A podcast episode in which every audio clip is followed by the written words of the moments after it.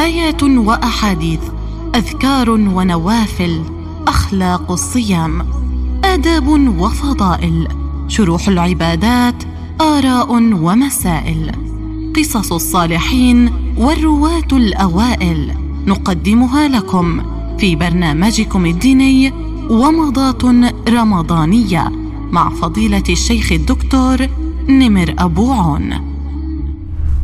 ترغيب في الدعاء. فالدعاء والصيام صنوان متلازمان لا يفترقان. إن شهر رمضان فرصة ذهبية سانحة ومناسبة كريمة مباركة يتقرب فيها العبد إلى ربه بسائر القربات وعلى رأسها الدعاء.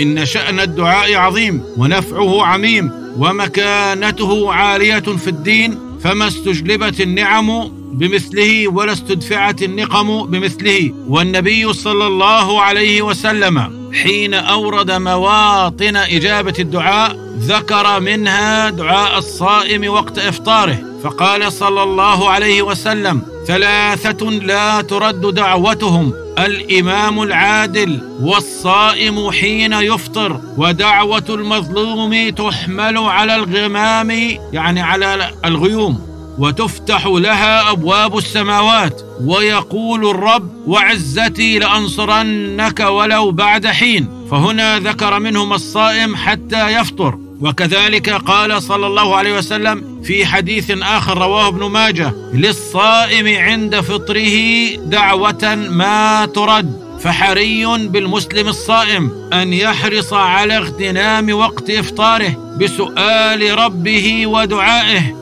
ولعل هذا هو السر في ذكره تعالى للآية الكريمة بالحث على الدعاء متخللة بين أحكام الصيام. وإذا سألك عبادي عني فإني قريب أجيب دعوة الداعي إذا دعان فليستجيبوا لي وليؤمنوا بي لعلهم يرشدون.